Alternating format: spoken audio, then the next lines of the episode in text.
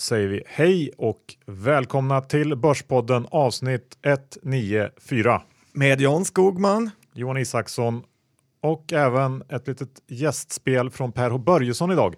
Eh, Men innan vi kommer dit så ska vi säga att vi spelar in idag den 10 maj och vi har ju fortfarande en relativt ny huvudsponsor i IG Markets, vilket ju är väldigt, väldigt kul, eller hur John? Ja, det är det, för det finns ju en helt otrolig mängd eh, handelsmöjligheter på ig.com. Så är det. Allt från eh, index och aktier eh, och valutor till råvaror, bitcoin och ja, allt du vill egentligen. Och dessutom som vi sa förra veckan, det finns väldigt bra möjligheter om man är intresserad av att blanka aktier, vilket är kul tycker jag. Ja, för man handlar ju såna här CFD som det heter, vilket gör att eh, nästan eh, vad som helst går att trada, kort som lång. Dessutom är hemsidan väldigt bra där du kan se hur sentimentet är bland eh, spararna, om de är korta eller långa i snitt. Du kan även se hur många som är korta och långa. Eh, jag tycker det är en väldigt bra sida. Öppnar du konto så får du direkt din egen kontaktperson på IG och deras app är dessutom väldigt eh, bra. Jag följde indexrörelserna under franska valet och eh, där kan du både köpa och sälja beroende på om eh, du tror att börsen ska öppna upp eller ner dagen efter. Och eh, du gör det enkelt i appen. Ja, många roliga möjligheter finns det. IG Markets alltså. Gå in och öppna ett konto du med och testa. Ja, det kommer finnas i länkar på både vår hemsida och i vårt veckobrev. Så är det. Lendify. Där dundrar det på bra när det gäller utlåningsvolym. Ja, det, de tar nya rekord vecka efter vecka här med utlåningsvolymer och eh, vi har ju vårt eget konto där vi har satt in eh, 50 000 kronor. Eh, vi taktar på med en 9 i avkastning rullande 12 månader, vilket är mycket eh, bra. Dessutom så gör man ju en bra tjänst genom att Lendify kan erbjuda lägre räntor till eh, slutkunderna jämfört med vad storbankerna kan. Så att det här är win-win. Lendify.se och eh, vi är väldigt nöjda kunder och hemsidan är väldigt rolig där man kan se hur, eh, precis vilka lån du har lånat ut till. Så på Lendify.se hittar du allt det här. Yes, så är det. Som vi sa i början John så har vi ju haft Per H Börjesson här på förmiddagen som har berättat om årets Berkshire Hathaway stämma. Det kommer på slutet av dagens avsnitt, men vi har ju också eh, precis som vanligt ett antal bolagskommentarer. Det är fortfarande rapporter som droppar in och eh, ja, Ja, men det är en sak som vi har kvar. och vad är det då? I can't go on when you look this freaking beautiful. Va, va, är, det en, är det min skjorta du menar? Nu? Ja, det är faktiskt en blommiga, blommiga skjorta. ja va, va, hånar du mig eller va, va, va, varför sjunger du sådär? För att det är Melodifestivalen nu, Johan. Ja. Ja, men jag har ju den här blommiga skjortan för att eh, Neckwear som ju är våra sponsorer, vdn där har berättat för mig att eh, det är blommiga skjortor som säljer allra bäst eh, nu i vår och eh, ja, men du kan väl gå in själv John på Neckwear och använda den här rabattkoden som ger dig 20% och testa att köpa en blommig skjorta så att du också är lite, lite med liksom nu i vår. Ja, tack för att du guidar mig i modet. Men det är klart, 20% är 20 Ja. Börspodden var koden. Börspodden-koden, det är fri frakt och fri retur. Så gå in på neckwear.se och kolla in det. Nu kickar vi igång veckans avsnitt. Kick-ass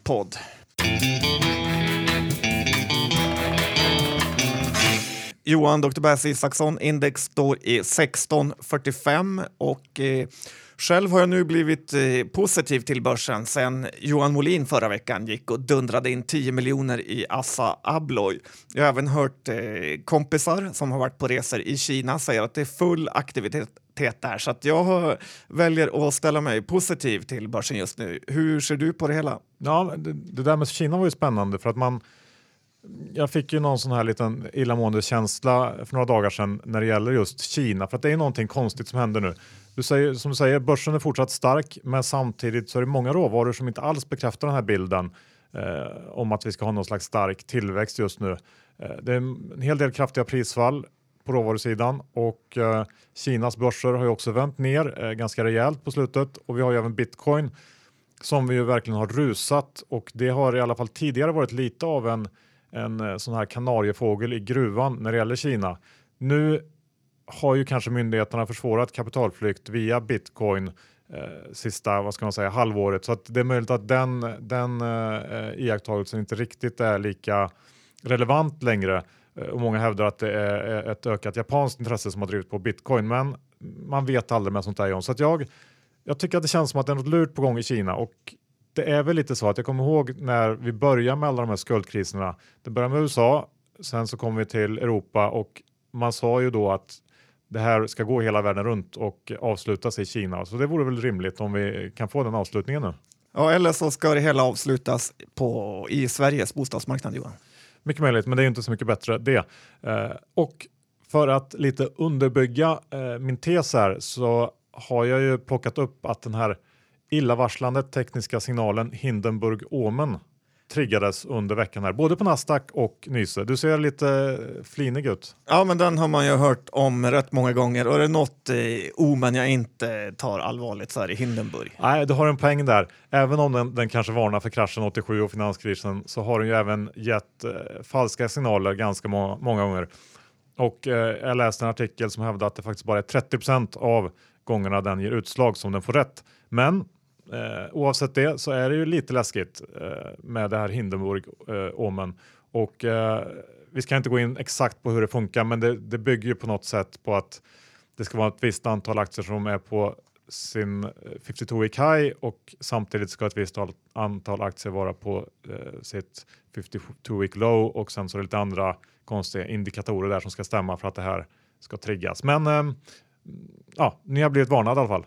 Stockholmsbörsen och datahandel John? Ja, Stockholmsbörsen grinar ju ofta över att de har förlorat marknadsandelar till andra aktörer och därför måste de eh, gynna datahandeln mer och mer. Men jag tycker att det börjar ha gått helt överstyr nu.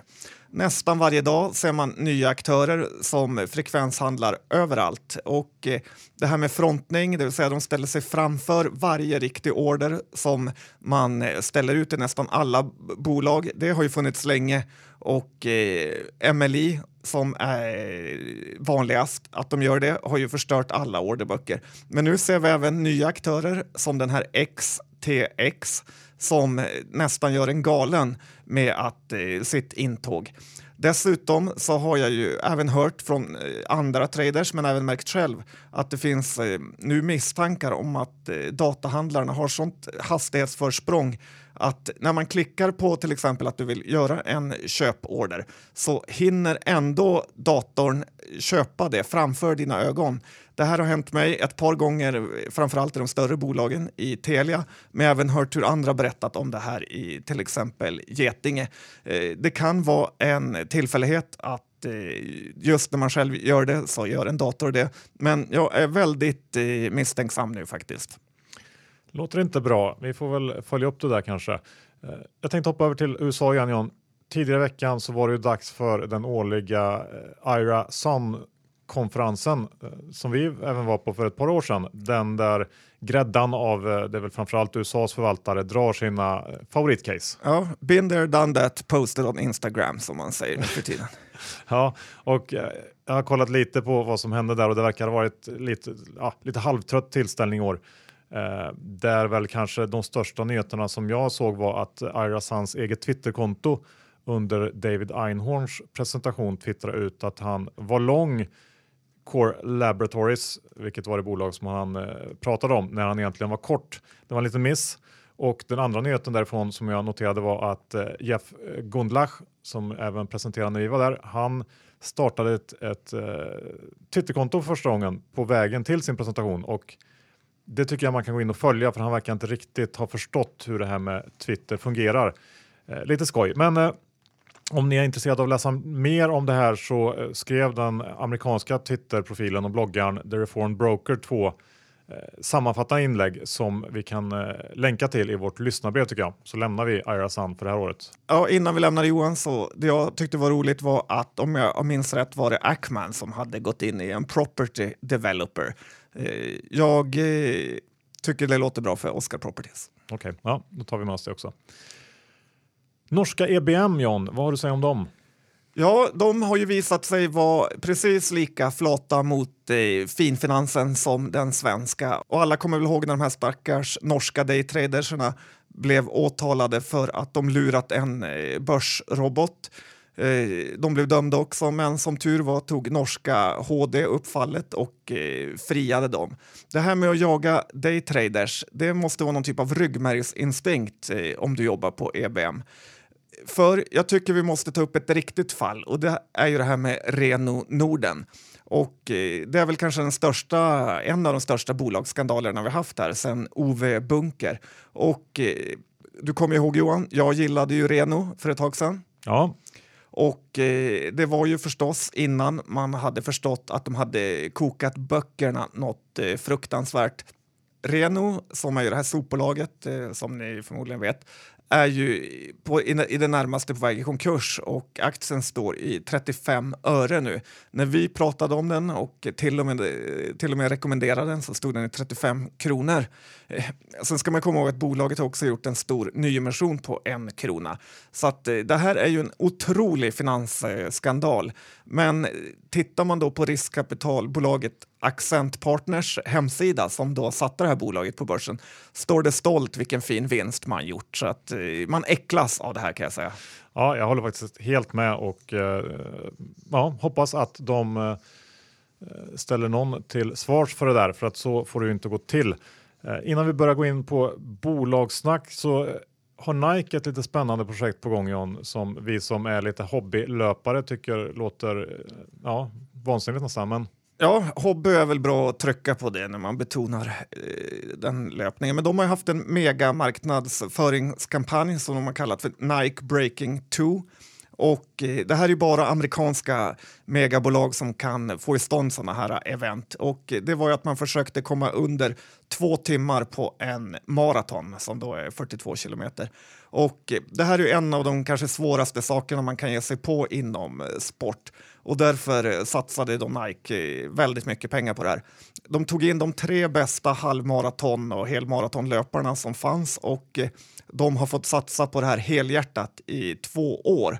Eh, man, jag har tittat på Youtube, vi kan posta det klippet med på, i, i veckobrevet. Men de sprang med kanske sex, sju harar samtidigt som hela tiden byttes ut och eh, framför dem körde en Tesla-bil med någon typ av laserpekare som hela tiden visade hur man låg till mot den här två timmars eh, gränsen.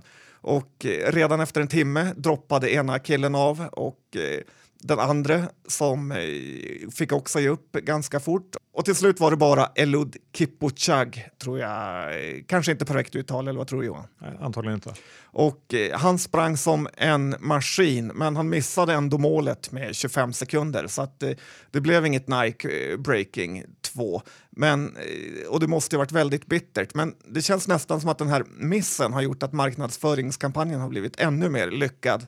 Då alla gillar en loser som verkligen gett allt men faller på målsnöret. Eh, Nike eh, Själva har ju de senaste åren som aktiebolag eh, gått lite halvknackigt men det beror ju mest på den extremt eh, höga värderingen som de har. NKE är tickern för Nike. Bra, då börjar vi snacka lite bolag istället. Jag tänker att vi börjar med Railers som eh, ju är en teknikkonsult, var stjärnan i klassen men som har haft det tufft ett par år. Och eh, det var ju ett riktigt kvalitetsbolag fram till kanske att Peter Eiler hoppade av som vd några år efter finanskrisen och då eh, försvann, kändes det som att mycket av den fina kultur som man hade byggt upp försvann. Men nu är ju Peter Eiler tillbaks sedan ett par år tillbaks och eh, de har väl under den här tiden jobbat med att försöka städa upp de felsteg som har gjorts och Igår kom Q1 och det ser väl nu ut som att de har kommit en, en ganska bra bit på väg i Railers. Eh, och det här är ett bolag som eh, både du och jag passar på att köpa in oss i under den nyemission som man precis har avslutat eh, Eh, som gjorde att man kunde komma in på, på ganska rimliga nivåer. Men tittar man på bolaget så omsatte man förra året lite drygt 2,3 miljarder men tjänade i princip då inga pengar alls. Eh, och det beror väl framför allt på eh, Norge som är ett riktigt problemområde och som har varit eh, ett tag och fortfarande är ska man säga. Där gjorde man några eh, riktigt misslyckade förvärv som fortfarande kostar en hel del pengar. Eh, men eh, om vi ska återgå till Q1 som kom igår så var den, eh, den var riktigt bra faktiskt. Visar väl på att man är på rätt, rätt väg. Eh, nu ska man komma ihåg också att Railers, precis som alla andra konsulter, har varit stora vinnare på påsken under Q1, men eh, även bort, bortsett från det så var det en fin rapport. Och värderingsmässigt så är Railers eh, billigt. Vi kan ju titta på price sales. Där ligger Railers runt 05-06 eh, på 2017 års prognos och eh, tittar man på de lite större sektorkollegorna som ÅF eller Sweco så ligger de i intervallet 1,1 till 1,6 eh, gånger sales. Eh, nu har ju kanske inte Railers, eller det har de inte, varit i närheten av att nå sitt marginalmål på 8% de senaste åren. Men det behövs ju kanske inte riktigt heller med den här värderingen. Och egentligen så gör ju bara det här Eh, aktien till köpvärd tycker jag. Det är ett sånt case som jag kanske gillar. Eh, lite av en turnaround feeling där turnarounden ser ut att vara påbörjad. Men det finns också ett litet potentiellt guldägg i det här och det är eh, det bolag som heter Embric som man köpte för eh, lite drygt två år sedan tror jag. Och Embric har en stor produkt och det är mjukvaran Quant som elproducenter och nätägare använder för att hantera den ökade datamängd som Elhub för med sig. Och Elhub Eh, kanske inte alla känner till vad det är för någonting. Kanske inte alla heller vill eh, känna till. nej, nej, eh, jag drar det lite kort där så de som är intresserade kan ju gräva vidare i det här själva. Ni andra Men... kan trycka på 15, 15, 15. ja, ungefär så.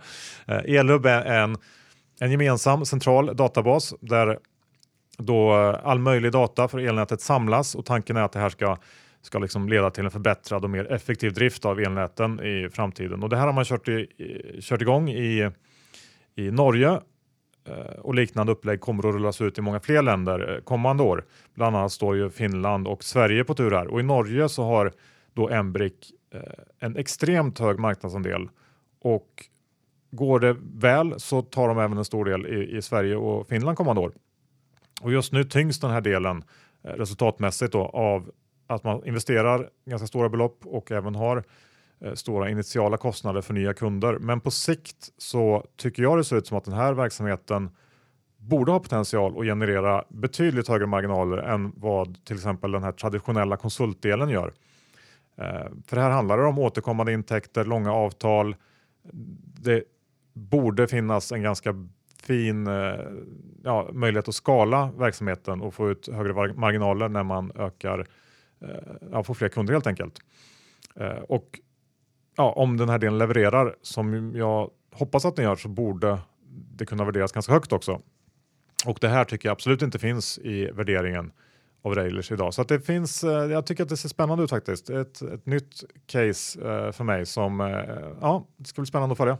Ja, jag tycker också det och eh, det har ju varit en av årets eh, bättre affärer just att köpa vid nyemissionen. Det jag har emot bolaget är ju lite att eh, som du sa, Q1 har ju varit väldigt bra och gynnat konsulterna och nu har vi Q2 som kommer bli lite tråkig och därefter har vi Q3 som alltid är tråkig för sommarsemestrande konsulter. Och eh, sen har ju det varit en väldigt bra marknad så att eh, man vet ju inte hur det blir om eh, den eh, blir svagare i ett sånt här eh, case som är lite skört. Men jag äger aktier som du och jag hoppas att Peter Reiler styr upp. Han kanske är lite snällare med personalen och att de inte behöver ta Reilers breaking to. Nej, det får vi hoppas. Men jag håller också med om, om alla, alla invändningar du hade där. Men vi följer det vidare. Du har tänkt och tänkt kring Ola och Hexagon John. Vad har du kommit fram till? Ja, men nu kommer jag steppa upp mitt game här och eh, det här är kanske en av de vildaste spekulationerna jag någonsin gjort i den här podden. Men eh, let's roll. Och eh, så här är det Johan, att eh, jag tror att det kommer komma ett bud på Hexagon redan innan sommaren. Oj. Ja, men det är en ganska bold move. Ska jag lägga ut faktan? Mm, hemskt gärna. Och eh, om man sammanfattar i tre punkter så är den första att Ola Rolén och Melker Schörling, de har varit parhästar i evigheter i Hexagon. Och eh, det är ju MSAB, eller Melking Schörlings investmentbolag, som är noterat på börsen. Så det absolut största innehavet är ju Hexagon. Vi vet ju att Melker, han litar blint på Ola och jag tror aldrig att han skulle vilja ha en sån stor exponering mot Hexagon om inte det var Ola Rolén som satt vid rodret. Och eh, den andra punkten är ju att Ola Rolén själv eh, har ju både investerat en hel del av sina egna pengar och eh, en stor del av sitt vuxna liv med att eh, jobba i Hexagon. Och jag tror han vill closea det här kapitlet eh, Hexagon med en eh, succéstämpel som han är värd att göra innan han lämnar. Och lyckas han sätta en sån här storstilad affär med ett bud på Hexagon så tror jag att han blir en legend, även hur den går i den här Norge-härvan han är inblandad i. Och jag tror också att han är lite orolig för vad som kan hända i rätten där borta i Norge. För om man tittar på USA och sådana här rättsfall där så finns det en anledning till att de gör sådana här plea bargains eller vad de kallar det, där man ger upp utanför domstolen för att det är alldeles för opolitligt vad en jury eller vad några nämndemän kan hitta på. Det blir alldeles för mycket en 50-50 situation. Och det tredje i mitt case, det är ju aktiekursen, Johan.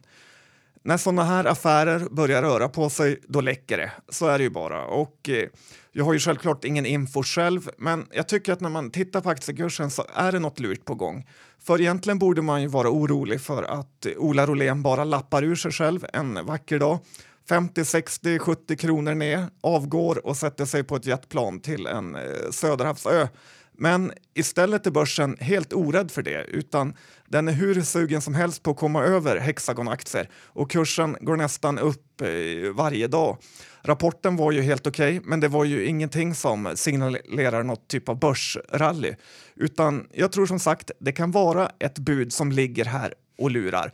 Det är ju bara vilda spekulationer, men jag har köpt lite aktier som eh, hedge för Ja, men ska man använda aktiekursen som bas för det här, då är det ju något lurt med hela eh, jävla verkstadssektorn på Stockholmsbörsen. Så att den grejen, ja, tveksamt. Men visst, jag köper många av argumenten och uh, inte alls omöjligt. Jag skulle i alla fall inte våga vara kort Hexagon för att uh, jag håller med dig. Någonting skulle mycket väl kunna hända när det rör sig så pass mycket bland ägare och uh, ja, ledning. Spännande. Vi får helt enkelt se då. I sommar ska det smälla så att vi får ju facit ganska snart. Och på tal om att smälla, shot är ju tickern för Scandic. Ja, och här har jag ju nu genomfört en av årets eh, pinsammaste trades för egen del. Jag tog upp ett lån inför rapporten och blankade Scandic eh, för jag trodde att den här påskeffekten skulle drabba bolaget eh, negativt. Man har ju hört att Scandic tjänar mycket mer på affärsresenärer än turistresenärer. Så att här tycker jag inte att jag var helt fel ute. Det som var helt fel var ju att jag själv bodde två nätter på Scandic eh, under påsken. En gång på väg upp till Umeå och en gång på väg ner. Eh, och det här är alltså två nätter jag aldrig hade spenderat på hotell om det inte vore för eh, påsken. Eh, och hur jag med all den här infon kom fram till att eh, Scandic var en kort inför rapporten var ju lite av ett eh, skämt. Dock hade ju aktiekursen gått upp så mycket så att den kunde inte gå upp mer. Så att jag hade tur och eh, kom ur det här nu på morgonen. Ja, ja det var skönt att du gjorde det. Eh, jag tänkte gå över till eh, ett annat bolag som också är lite i hotellbranschen kanske på ett visst sätt. Attendo som ju har äldreboenden. Hotell för gamlingar. Precis. Och det här är ett bolag som vi har varit positiva till länge och kanske den aktie som jag själv ångrar mest att jag inte köpt när den har varit svag. För den har ju varit svag i perioder här när Repalu till exempel var ute och, och snacka förra året. Men eh, det gjorde jag inte och eh, de kom med en eh, jättefin Q1 häromdagen och det här är helt enkelt ett väldigt stabilt bolag som rider på den här demografiska trenden eh, och den ligger definitivt på min inköpslista om det nu någon gång någonsin kan gå ner på börsen igen. Värderingsmässigt EV-ebit 17-18 i år och kanske 15 på nästa år, vilket ju inte alls är, är jättedyrt egentligen utan ganska rimligt. Så att äh, äger man Attendo så ska man vara glad helt enkelt. Ja, både den och Capio som är väl lite liknande har ju gått väldigt eh, bra på börsen sista tiden. Ja, och jag tänkte lite snabbt koppla ett bolag till Attendo. Eh, det är ett finskt fastighetsbolag som jag tittat lite på här i veckan som jag inte har känt till sedan tidigare. Det heter Suomen eh, Hoivattilat. Eh, vi kan istället kanske använda... Hittar du på nu? Nej, men vi kanske kan använda artikeln istället som är Hoiva. H-O-I-V-A. Och det här är ett fans, finskt fastighetsbolag inriktat på omsorgsfastigheter och då framförallt äldreboenden. Och det är faktiskt så att man jobbar väldigt nära tillsammans med privata aktörer, till exempel Attendo. Och eh, Hoiva satsar på att växa på den här marknaden. Eh, som man då, som jag sa tidigare, av demografiska skäl vet eh, hur den kommer att se ut ganska väl under många år framöver. Vilket gör det här till ett väldigt bra liksom, case att, att eh, arbeta med.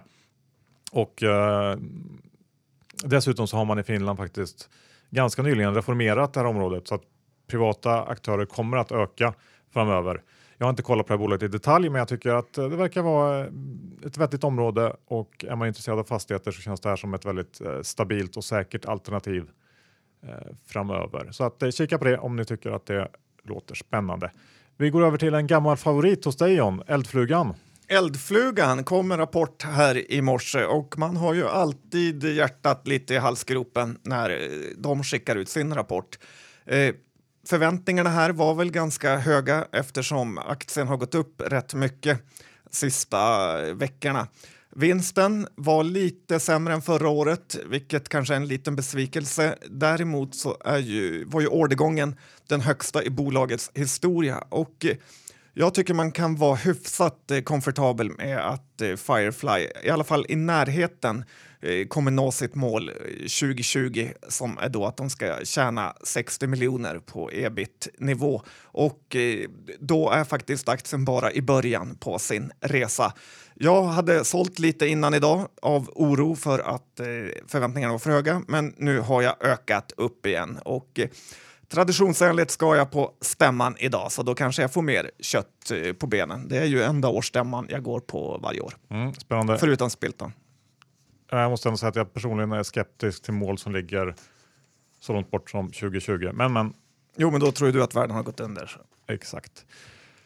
Då, eh, Sagax Pref kanske vi kan säga några ord om. Det har ju varit lite av ett case du har kört. Ja, men nu är det dags att göra moven Johan. Och jag har kört på mig massor med Sagax Preffar, ska jag inte sticka under stolen med.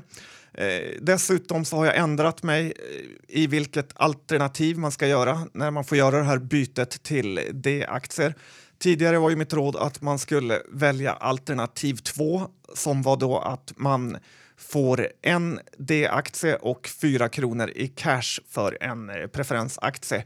Men nu säger jag istället välj alternativ 1 och det är efter jag har läst på lite mer. Och det innebär att du får eh, för varje preferensaktie får du 1,15 D-aktier. Och eh, det ger ju då att om du köper Sagax-preffen för 32,50 så får du dela det på 1,15 för att se vad ditt pris är för eh, D-aktien. Då får man ungefär 28,30 och eh, det tycker jag är alldeles för billigt långsiktigt för Sagax D. Och det är vad jag kommer välja. Dessutom så kommer man få en utdelning här i slutet av juni. Så att för min del är det här nästan gratispengar som jag satsat en rejäl slant själv på. Det finns inget sånt? Nej, jag vet, men i min låtsasvärld, Okej, vi följer upp det när det här har spelat ut, eller vad man ska säga. Fingerprint John. Fingerprint, vår lilla favorit, levererade ännu en rapport som inte marknaden gillade. Det var väl ingen eh, katastrof, men eh, den har ändå gått ner en hel del. Carnegie, som är det bolag som eh, man kan säga haft mest rätt om det kära Fingerprint, sänkte riktkursen till 22 kronor. Dessutom så har ju de och även andra flaggat för att eh, Fingerprint faktiskt kan behöva göra en nyemission här framöver. Eh, det var nog inte många som tänkte att det skulle kunna vara möjligt för bara några månader sedan. Eh, aktien har ju kollapsat och försäljningen och vinsten har ju också kollapsat så att det är svårt att säga att aktien är billigare nu. Och eh, jag hoppas för guds skull att ingen haft storhetsvansinne eh, och eh, flyttat sina vanliga aktier från en depå till en ISK för, eller kapitalsäkring då på toppen, för då är man ju helt rökt bara av eh, skattesmällen. Ja, och det, det, här Johan för ju tankarna till det härliga 2000-talet då många IT miljonärer slutade som eh, skatteskuldmiljonärer eh, istället då man sålde sina bolag till Icon Media Lab och Framfab och fick betalt i aktier och sen aktien gick ner 99 procent så det enda man hade kvar var en stor skatteskuld. Det är fortfarande 37 000 ägare av Fingerprint på Avanza och eh, man slutar aldrig förvånas över hur håsar eh, för med sig den här rädslan av att missa ett tåg som är på väg uppåt. Istället slutar i katastrof. Ja, så är det. Och på tal om katastrof så tycker jag att vi går över till Danmark och säger några ord om Pandora som kanske kan vara i början av en lång katastrof. Jag vet inte, för det är väl det som är lite oro nu. Pandora, du vet det här bolaget som säljer smycken, de är framförallt kända för sitt, eh, sina armband där man kan köpa till såna här små belocker tror jag det heter. Eh, och har ju varit en, en raket på börsen. Men den har tappat 25% i år trots en värdering som i alla fall ser relativt låg ut på ytan. Eh, och en rapport nu här senast då i veckan som eh, faktiskt var bättre än väntat. Men det man ska komma ihåg är att Pandora är som bolag i ett skifte nu där nya produkter ska ta över som tillväxtdrivare här och om inte det lyckas så kan det ju gå ganska snabbt utför. Eh, man har bland annat örhängen och ringar som eh, är då nya produkter som växer snabbt. Men den totala tillväxten för bolaget är lägre nu än vad den har varit på väldigt länge. Och det som kanske är mest oroande är att den här ursprungliga eh, storsäljaren, det vill säga ett armband med sådana här små belocker som man köper till, Eh, helt har slutat växa egentligen och till och med börjat tappa och då ska man komma ihåg att den här delen står fortfarande för i runda slängar tre fjärdedelar av Pandoras försäljning. Och det som kanske är mest oroande här är att försäljningen av armband eh, minskar med 7 nu senast eh, eh, kvartalet. Och det indikerar ju då att försäljningen av belocker också kommer att vika eftersom att man oftast köper först då ett armband och sen fyller på det här armbandet med sådana här små smycken som man hänger fast. Ehm, och det är de här små eh, belockerna som är den absolut viktigaste produkten. Eh, och den delen står faktiskt för 50% av försäljningen. Så att man förstår ju själv att eh, om det här inte riktigt eh, funkar längre, det kanske ligger väldigt mycket trendfaktor i det här. Jag är inte riktigt så insatt, men det känns som att det skulle kunna vara så. Eh, då kan det gå ganska snabbt utför. Man förstår ju också den svaga aktieutvecklingen. Eh, med den här bakgrunden. Så att jag skulle vara, ändå tänka till ett par gånger innan jag försöker fånga den här kniven så att man verkligen eh, förstår dynamiken i det här bolaget. Ja, när du lägger upp det så här så tycker jag mer att det lutar åt en eh, mega short än eh, något annat. Dessutom har jag aldrig gillat sådana här bolag. Nej, men du har inte så mycket armband heller John. Nej, och det är jag stolt över. Bra. Eh, jag tänkte också när vi ändå är inne i, i Danmark och pratar, eh, prata lite Vestas som ju vi var faktiskt väldigt positiva till efter Trumps vinst när aktien åkte på rejält med stryk. Eh, oro för att Trump skulle sänka hela sektorn. Den var nere kring 400 spänn eller norska kronor kanske man säger. Spain. Exakt. Eh, men efter det har den gått väldigt, väldigt bra. Den är uppe kring 620, eh, vilket är fantastiskt på ett halvår. Och i fredags presenterade de sin Q1 som var bättre än väntat på de flesta punkter. Och rimligtvis så kommer de att behöva höja sin egen prognos, eh, säkert i samband med nästa rapport tror jag. Värderingen är fortfarande låg relativt det mesta andra på börsen. EV-ebit för i år strax under 10 och äger man aktien så ja, den här rapporten gav i alla fall ingen anledning till att sälja så att det känns fortsatt bra där tycker jag. Nej, man undrar vad de svenska soporna i Ovilus Wind och Arise håller på med. Det är dags att kalla hem den här svensken som leder eh, Vestas. Exakt. Kanske kan han göra lite nytta i i-tabeller som vi kan avsluta dagens avsnitt, eh, eller första del med, ska vi säga. Ja, och eh, det kan ju inte vara så kul att vara butiksinredningssäljare nu tycker jag faktiskt, med tanke på butiksdöden vi ser överallt. Bolaget har dessutom dragit på sig en stor nettoskuld och eh, till viss del så kan man väl säga att de har vuxit in i sin värdering som egentligen alltid varit för hög de senaste fyra åren. Det här med automatiska kasser verkar ju inte lyfta överhuvudtaget, även fast bolaget säger annorlunda.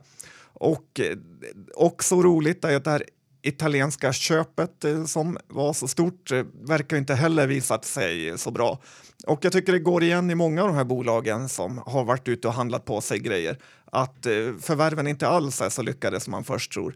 Det är lite grann själv som man tecknar sin IPO i ett mindre bolag. Man tror på versionerna, men sen när man ska räkna hem det efter det har kommit till börsen så är det inte alls eh, lika bra.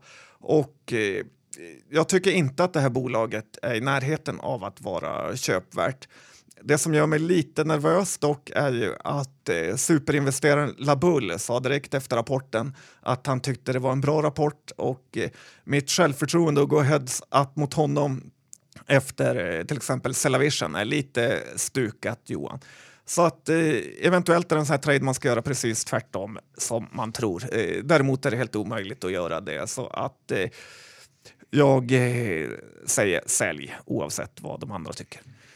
Bra, då har vi egentligen bara Per och Börjesson kvar och hans rapport ifrån Omaha, Nebraska, är det va? Ja, delstaten ja. Ja, och Berkshire Hathaway-stämman.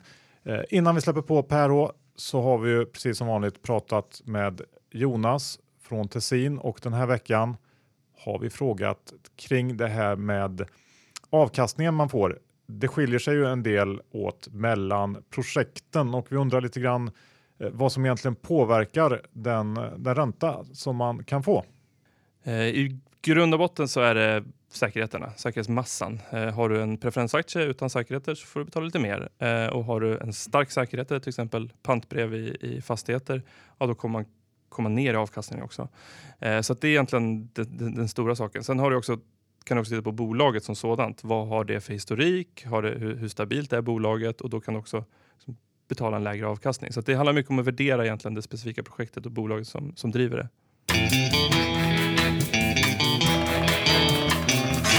Välkommen Per H Börjesson, nyss hemkommen från Berkshire Hathaways eh, årliga årsstämma i Omaha. Tackar så mycket. Tackar. Hur var det där? Berätta lite. Ja, det var ju samma program som vanligt med, med film och frågestund med Buffett och stor mycket shopping och, och, så vidare. Och sen var det riktigt kul tycker jag att, att de här gubbarna, eh, Mange var 93 år gammal och, och Buffett 86, att de fortfarande är pigga och vakna och, och full fart på dem. Och det här samspelet är ju det som gör att det är så fantastiskt att se dem live som de som är med uppskattar verkligen. Ja, de har ju många år kvar till aktiestinsen. Hur många svenskar var där i år? Ja, jag hade en grupp på 15-16 stycken som, som var runt eh, och det var säkert en 20 stycken till som inte jag, som inte jag känner till. Det var några mer jag såg på som var ute på Twitter då. Vilken gång i ordningen är det som du besöker stämman nu? Hur många gånger har du varit ja, där? Ja, det var elfte gången, så jag var där första gången 98 och de senaste 6-7 åren har jag varit där varje år. Då. Hur rankar du den? Eh, ja, det jag tycker, nu har jag varit med på så många gånger så det är väl ungefär samma. Men det var kul det här 50-årsjubileet. Det var, ju, det, var, det, var, det var ju för två år sedan, det var 50 år. Det var lite extra, extra mycket folk. Men det var faktiskt ännu svårare i år att vi var ju där halv sex för att komma in då och vi, vi fick eh, lite sämre platser än förra året. Så det verkar vara ännu mer tryck än, än förra året faktiskt. Så, att vi var, så man får vara där en och en halv timme innan dörrarna öppnar för att man ska få eh, platser överhuvudtaget i stora salen då, som rymmer kanske 15-20 000. Ja, men det är tur de har dig där. Och 50-årsjubileet var ju även jag och Johan med, så det är kul att du kommer ihåg. Och det är också två år sedan du senast var med i vår lilla podcast. Johan, var ska vi börja idag? Jag tycker att Per kan få börja och berätta lite allmänt om, eh, om stämman. Sådär. Hur, hur kändes det? Hur, eh... Ja, det roliga är ju att se eh, att, att man är så gammal. Alltså Munger han är 93 och han skämtar om det att eh, ja, eh, hoppas, tänk om jag hade varit 90. skämtade han och sa då. Och sen, sen tyckte han själv då att Eh, han har lite ont i ryggen nu då, men, men Buffett som är 86, han har ju åtminstone sju år kvar så man kan jobba på det här. Va? Så det är ju fantastiskt att man, att man kan vara så pigg och så vaken och, och vara så alert på de här ganska komplexa frågeställningarna och ha sånt kunnande så högt upp i åldern. Det tycker jag väl är nästan det mest imponerande. Sen är de ju unika båda personligheterna med, med, med sin kunnande och kompetens. Så ingen gaggighet kunde synas? Nej, lite rosslig på rösten kanske Buffett var då, men, men annars tycker jag var som, som tidigare. Det känns som när man har läst eh, nyheterna som kom därifrån under, eh, under stämman så var det mycket fokus på teknikbolag, Apple och även Google som, som eh, Will Buffett erkänner att han missat på något sätt. Hur, vad var det som sa, sades egentligen? Ja, dels var han, han, han konstaterar ju här att han har missat de här, de här bolagen. Google, att det är ju fantastiskt. Han har, har det är ju näst, eh, som han äger som är näst största bilförsäkringsbolaget som ja, han konstaterar att de använder dem och varje knapptryckning på, på tangenten eh, kan ge intäkt på 10 dollar till Google utan att de har några kostnader eller investeringar för det. Så det är ju fantastiskt. Och samma med Amazon. Han noterar ju Bezos alltså hur, hur duktig han var men han vågar inte köpa så att säga. Men däremot har han ju då köpt eh, aktier i Apple då. Och, och, det var lite kul att eh, han har tydligen varit och, och köpt eh, Eh, glass med sina barn och då börjar de spela, vara med sin iPhone och då fattar de att det här är ju egentligen ett, ett starkt varumärke med teknikinnehåll. Så att det är ju lite grann en sån där eh, lokal Peter Lynch eh, kommentar som vi får väl skicka en hälsning till Syding. Man ska... Ja, det, det, är bra gjort. Se barnbarnen spela på telefonen och trycka in två miljarder dollar eller mer i Apple. Ja. Hur var det med hans eh, IT-surdeg IBM? Tog han upp den något? Ja, det sa han ju också. Han har ju sålt en tredjedel av IBM. Det kom ut i veckan. Då, så att han, han var ju besviken helt enkelt på, på den aktien och, och, och den hade inte utvecklat sig som eh, som han har förväntat sig. Och, och, han sa ju det att eh, eh han köpte ju IBM inte för att, eh, att det var så stabila intäkter eh, och att det inte var något teknikbolag längre. Men han, han har ju besviken på den utveckling som har varit och de här, de här sex åren han haft den aktien. Ja, besviken på aktiemarknaden är vi många som är ibland. Hur var det med de här flygbolagen som han har eh, blivit eh, halvkändis för att eh, gått in i dem? Ja, det är ju hans två, jag tror att det var hans två, de här Ted och Tom heter de väl, som är Eh, som har 10 miljarder dollar var som har köpt in den där och då har han köpt alla fyra så han är stor ägare i alla fyra största flygbolagen och, och det är väl helt enkelt så att de har lyckats med att hålla uppe prisnivån och det lite grann har blivit ett oligopol i och med att det är så många som gått under så, så har du då högre eh, eh, Alltså det är mindre vakanser på själva flygningarna. Va? Så de, de åker med, med mer fyllda plan som gör att, att de kommer att tjäna mer, mer pengar. Jag skulle inte vilja vara Todd och Ted heter de va? Ja, just det. Om eh, den här flygbolagsinvesteringen misslyckas. Men jag, jag läste någon som sa, jag vet inte om det kom ifrån stämman, att, att uh, han såg det lite som att det här var den nya järnvägen nu efter uh, den konsolidering som har skett i, i inom flygindustrin i USA. Att det, det, man kan på många sätt likna det vid, vid hur järnvägen har sett ut på sista åren. Ja, det är, han har ju tjänat mycket pengar på det här Burlington Northern och just det här med shale oil, att eh, de transporterar mer olja och allt eh, det är mer effektivt då än, än lastbilar. Men sen, samtidigt såg han ju ett hot då i självkörande bilar och själv, självkörande lastbilar. Det är både ett hot för mot Burlington Northern Santa Fe och Geico då som är hans försäkringsbolag att det behövs mindre bilförsäkringar. Så det såg han ett potentiellt teknikhot. Den annan eh, härva som man har är ju den här Wells Fargo. De har varit i hetluften för eh, bedrägerier mot kunder. Kommenterar han det något? Ja, det fick han ju också fråga på och det var helt enkelt att det, det varit fel incitament. De hade incitament för att, att öppna de här kontona och, och skapa de här intäkterna som, som var fejkade då helt enkelt. Och, och, det var ju dåligt, men det han verkligen kritiserar ledningen för att när de fick reda på det här att de inte går ut och informerar och, och, och, och erkänner misstaget. Det, det, var, det kändes som att han var mycket upprörd över det. Och Charlie Munger, sa han något? Han brukar annars vara ännu mer dräpande. Ja, han hade väl någon, någon dräpande kommentar under det också. Kom sockerdebatten upp något? Coca-Cola har ju haft minskad eh, försäljning av läsk i tio år. Det var väl inte uppe så mycket, men de satt ju och drack eh, Coca-Cola och Cherry Coke och de här eh, Sea Scandis där framme. Och det är det de lever på, så man är förundrad att de har klarat sig så länge med, den, med det matintaget de har. Vad var roligast på hela stämman? Ja, det är ju hela eh, stämningen och shoppingen och den här eh, rundturen och, och själva frågestunden. Och, och eh, han visar ju alltid, det är alltid en film där, en, en timma som är, som är ganska kul med lite olika reklamsnuttar från hans olika bolag. Och så var vi faktiskt också på Markel som är en Berkshire-kopia i, i Atlanta de hade en två timmars eh, frukost eller på samma sätt att man fick ställa frågor till, till han eh, vd för det bolaget. Så det var lite kul att, träffa dem också som också är ett stabilt bolag med, med försäkringsrörelse, investeringar och helägda dotter som liknar Berkshire till stor del som, som verkar vara ett stabilt bolag. Då. Ja, som exempel vi har då som an, andra största innehav i Spiltan investment, globala investmentbolagsfond. Då. Vad har Markel för eh, större innehav? Eh, ja, det är ju försäkringsrörelsen som har. Sen är jag inte så insatt i det, vad de har exakt. Eh, men de hade bland annat eh, eh, CarMax som är väl ett av USAs största bil, bilåterförsäljare. Tycker du att det har förändrats någonting om du tittar tillbaks från när du var där första gången? Ja, det är ju antalet personer. Alltså 98 var det 10 000. Vi var i en, en lite mindre hall och det var inte alls samma shopping. Det var Coca- något Coca-Cola-stand och det var liksom 3-4. Nu är det liksom en, en stor hall där på 20 000 kvadratmeter men, men man ska gå och handla och det var till och med.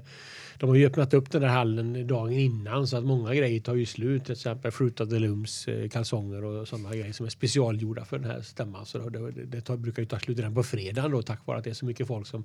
Det är många som åker dit och shoppar och inte är så intresserade av frågestunder kanske. Och när det gäller eh, kvaliteten på frågorna då, för jag såg på Twitter eh, under stämmans gång så kom det en del kommentarer som jag såg att folk tyckte att det har blivit sämre eh, sista åren, att det blir eh, kanske lite urvattnat. Jag vet inte, vad, vad säger du om det? Ja, han, har, han får ju frågor från tre journalister och tre analytiker och sen är det publiken. Så jag tycker väl det är ungefär samma standard på dem. Det är ingen, ingen större skillnad. Visst var det någon som försökte göra någon slags politiskt statement eh, på något sätt där också under den här stämman? Ja, det var en, eh, en eh, det var ju faktiskt första gången jag var med om att, att publiken började bua för att hon, hon pratade om, det var väl miljö och hans etiska agerande så att det, var, det har jag aldrig varit med förut. att Det var någon som buade och blev eh, publiken blev sur att hon höll på att prata länge och, och ställde egentligen ingen fråga men kritiserade Buffett. Och hur svarar han på det? Ja, han svarade inte alls utan han bara fortsatte tror jag. Utan han, han, ingen- och det var samma sak på själva den formella stämman. Det var ett antal miljöorganisationer som hade eh, just det här med, med energi, att de inte sköter det, det på ett riktigt sätt. Men det är bara eh, 98 procent röstade mot det så bara klubba igenom. Så att det var ingen, ingen kommentar eller, eller så utan det, där kör de ju tuff stil. Hur ser du på Berkshire Hathaway-aktien? Den är ju uppe på eh, toppnivåer. Är den eh, köpvärd vid de här eh, nivåerna? Ja, jag hävdar ju att den alltid eh, är köpvärd. Då. Jag, den kostar ju då 32 000 dollar 1997. Det är ju en ganska bra placering och A-aktien kostar ju nu 250 000 dollar. Och om man räknar på det där va, så är det ju då investeringar. Alltså investeringarna, de här börsbolagen han har i kassan på 98 miljarder dollar. Det är ju 170 000 dollar per A-aktie. Och sen är frågan vilken multipel ska man använda då på alla de här helägda dotterbolagen. Burlington Northern Santa Fe och det är Seas Candies alla. Och om man då räknar med det är ju 13 000 dollar per år eh, han får i, i, i kassaflöde från dem. Om man räknar kassa, ja, multipel 10 där så har du ett verkligt värde på 300 000 dollar då. Så det är ju en rabatt på 17-18 procent på det där. Eh, och sen köper han ju tillbaks då. Han, nu har han, ju- hade han ju problem med kassan där som är så stor att han, han nämnde ju liksom 150 miljarder dollar. Då måste vi börja hitta, om vi inte hittar investeringar, då får vi börja kanske köpa tillbaks eller alternativt kanske ge, till och med ge utdelning då som han inte har gett. Och nu då köper han tillbaks på 120 procent av book value, så det är väl någonstans runt 210-220 000 dollar. Så att aktien kan ju inte sjunka mer än 20 procent och han uttalar sig också om de senaste tio åren har ju aktien gått upp 9 procent om året ungefär, eller, eller växt. Då. Första 42 åren var det kanske 21 procent. Så det är ju svårare, ju större man är, ju svårare att placera. Men han tyckte ju han sa någonting om att ja, 10 procent borde ge, ja då är det ju faktiskt en, en, eh, om sju år har du dubblat pengarna. Och en, måste vara begränsad, otroligt begränsad risk att du skulle förlora pengar på den här aktien. Nämnde han eh, börsens värdering i, i stort på något sätt? Ja, han fick ju frågan på det och, och då är det ju... Mm, och så, han, han säger, gör ju inga prognoser på börsframtid och, och, utan det är omöjligt eh, att säga på kort sikt. Men han, han nämnde ju det här med räntan, att det är ju det som driver eh, börserna och eh, om man tror då att räntan är låg 10-20 år framåt i tiden, ja då är ju faktiskt börserna fortfarande lågt värderade i och med att alternativen är så dåliga. Och om man då tror att Riksbanken inte helt enkelt inte kan höja räntorna för det skulle skapa lågkonjunktur, då är, är ju börsen fortfarande intressant. Men, eh, men så kan det alltid dyka upp någonting som man inte känner till då med, om det är kärnkraftsolycka eller terroristattack eller vad det, vad det nu kan vara. får man ju alltid vara beredd på. Vågar någon ta upp det här med successionsordningen? Om det händer något med Charlie eller Buffett himself, vad eh, händer då? Vem tar över? Ja, det är ju spekulationer på det. Så styrelsen har ju diskuterat det här och det, och det, det spekuleras om att det här är Indien som driver det här, general, det här stora återförsäkringsbolaget. Han, han är ju för sig 65 år gammal, men han, det är ju någon som har, har integritet och, och just kan förvalta de här nya investeringarna. Och kanske inte, han fick fråga tror jag, på vad, vad, vad ska en sån person ha för lön? Och då tyckte han väl att det borde väl vara någon som har så mycket pengar så han inte behöver ha så hög lön. var väl hans alltså kommentar på det då. Skulle du ställa upp själv om du fick frågan? Ja, det känns väl lite grann av och till att göra med spiltan tror jag. Så att det, eh. Svårt att ratta Berkshire med vänsterhanden. Ja, och sen tror jag jag trivs i Stockholm. ja, det låter bra. Men på tal om Spiltan, då, hur går det för er? Har ni gjort något kul på slutet? Ja, det är spännande. Vi har en bra portfölj och det är ju Paradox som är stora, stora innehavet som har gått bra. De kommer med en bra rapport och aktien gått upp ytterligare så att det är ju spännande. Så vi ser fram emot stämman då 20 eh, maj och eh, vi ska ju planerat ett litet inlösningsprogram då så man får tillbaks 93 procent eller de, de, som vill lösa in en åttondel av aktierna då. Så det är väl spännande så kommer kanske lösa in ungefär 300 miljoner då. Så både du och eh, Buffett återköper. Du måste väl ändå kommentera det här Fingerprint som du har fått så otroligt mycket eh, frågor om trots att det är ett väldigt litet eh, innehav. Vad ångrar du den investeringen?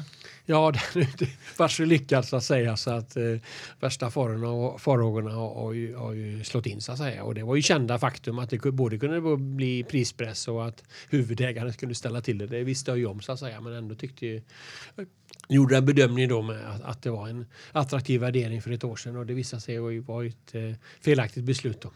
Har ni sålt eller köper ni mer? Nej, vi har ungefär samma. Vi har köpt på oss under året lite mer när kurserna gått ner. Vikt, snittat ner. Mm, det brukar ju vara en av de värre strategierna. One in trouble double. Och Paradox då, ni gjorde en fin placing där och eh, ni har ju tjänat väldigt mycket pengar på det här. Hur ser du framöver på den investeringen? Kan ni eh, sälja ännu mer? Ja, det kan vi givetvis göra, men vi vill vara kvar som huvudägare tillsammans med Fredrik Wester och, och vi tror på bolaget och det är ju den mest eh, snabbaste växande industrin i, nästan i världen och, och vi ett kluster här i Stockholm och vi hävdar väl att tycker att Paradox har bra spel och har bra, eh, alltså de här spelarna som spelar så otroligt länge så att jag, eh, jag tycker inte, jag är inte så, så, nervös faktiskt fast det är kanske andra som är att man har så stor andel. Men man måste gilla Paradox om man ska köpa Spiltan-aktien. Det är klart när det står för 60 procent av, av substansen. Är det något annat innehav eh, som ni har som du vill lyfta fram? Ja, vi har ju alltså resterande portföljen är ju diversifierad. Det är ju inte mer än något innehåll som är mer än 2 procent. Alltså det är ju Berkshire Hathaway och eh, lite nu en hel del ökat noterade bolag och, och, vi har en spännande portfölj av jätte, alltså onoterade bolag, så många som är eh, gynnade av internetvågen. Så att det är ju diversifiering bevarar ju värde och, och fokus eh, skapar värde och det har, har vi ju både och då kan man säga fast, fast vi är ju beroende av, av Paradox och, och framförallt är det ju kul att se hur Spiltan Fonder går ju fantastiskt bra. Vi är uppe på 32 miljarder i förvaltat kapital nu och vi är på bästlistorna av, av eh, jag såg en lista här igår på de tio bästa fonderna senaste månaden var tre Spiltan fonder. Så det går ju fantastiskt bra både inflödet och eh, förvaltningsmässigt. Så det är ju klart att det är, kommer ju växa när vi har eh, smarta indexfonder och aktiva fonder som är verkligen aktiva. Så det ser det kommer ju bara växa eh, i framtiden. Så det är ju, är ju också mycket lågt värderad i spiltans substans. Va? Så där har en stor potential i, i det innehavet. Det låter bra Per och snart, du nämnde ju det här med att ni också har stämma snart. Vi kommer ju vara där precis som förra året och moderera den och de som äger aktier och eh, vill fråga lite mer och läsa mer om Spiltan är ju varmt välkomna då, eller hur? Ja, vi har ju en eh, hemsida för att presentera bolaget och vi har ju faktiskt eh, nästan 600 som kommer på stämman här, så det är ju fantastiskt att det är så stort intresse och det är klart att det när kursen har gått upp och vi har fått många nya aktieägare varje, varje gång vi handlar på alternativa så kommer det in nya aktieägare som tycker det är kul att vara aktieägare och vara med på vår resa. Så det är jättekul. Är det för sent att anmäla sig? Ja, det behöver bli det. Framförallt är det för sent att köpa aktier. Vi handlar ju för, för några veckor sedan här så att det är lite, lite sent. Men det kommer tillbaka nästa år. 2018. Yes. Tack för att du tog dig tid och kom hit och berätta om Berkshire Hathaway-stämman, Per. Tack så mycket.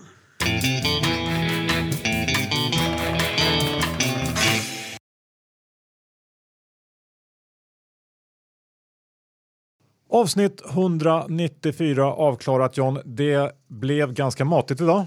Ja, men det är kul. Man gillar ju mat så att, eh, det är bra. Ja, det gör du. Vi tackar IG Markets för att ni sponsrar Börspodden. Gå in och öppna ett konto, kika runt om det är någonting för er. Ja, för det borde det vara om ni gillar att ta snabba trades. Ja. Lendify, det känner ni till vid det här laget. Man kan bli sin egen bank. Gå in på lendify.se och ja, öppna ett konto där med så har ni en alternativ inkomstkälla. Mm, du kommer inte ångra dig. Nej. Och såklart Neckwear. Glöm inte bort rabattkod 20% Börspodden är den. Bara gå in och ropa hem en blommig skjorta så kan man bli lika Freaking beautiful som de säger. Robin Bengtsson. exakt. Tack för det. Och så ska vi även redovisa våra innehav Johan och eh, den här gången så kommer du väl inte säga ingenting som du brukar göra. Nej, det kommer jag ju då inte eftersom jag äger Railers. Men utöver det så var det nog ingenting. Hur ser det ut med dig John? Ja, jag äger också Railers som jag tycker har framgått. Även Firefly som jag nu är inne på tredje eller fjärde året som ägare i, vilket jag är extremt långsiktigt för mig. Sagax Pref och eh, även Oscar Properties tyckte jag sa lite kort. Har jag. Ja, det var väldigt kort, men bra att du tog upp det. Bra, då tackar vi för oss. Glöm heller inte bort Tessin om ni vill eh, kika lite på fastighetsprojekt och stoppa in pengar i det. Tessin.se. Ja. eh, Och i övrigt, ha en fin vecka så hörs vi om en vecka igen helt enkelt. Ja, signa upp er på veckobrevet om ni vill få allt sammanfattat. Tack Precis. och hej! Hej!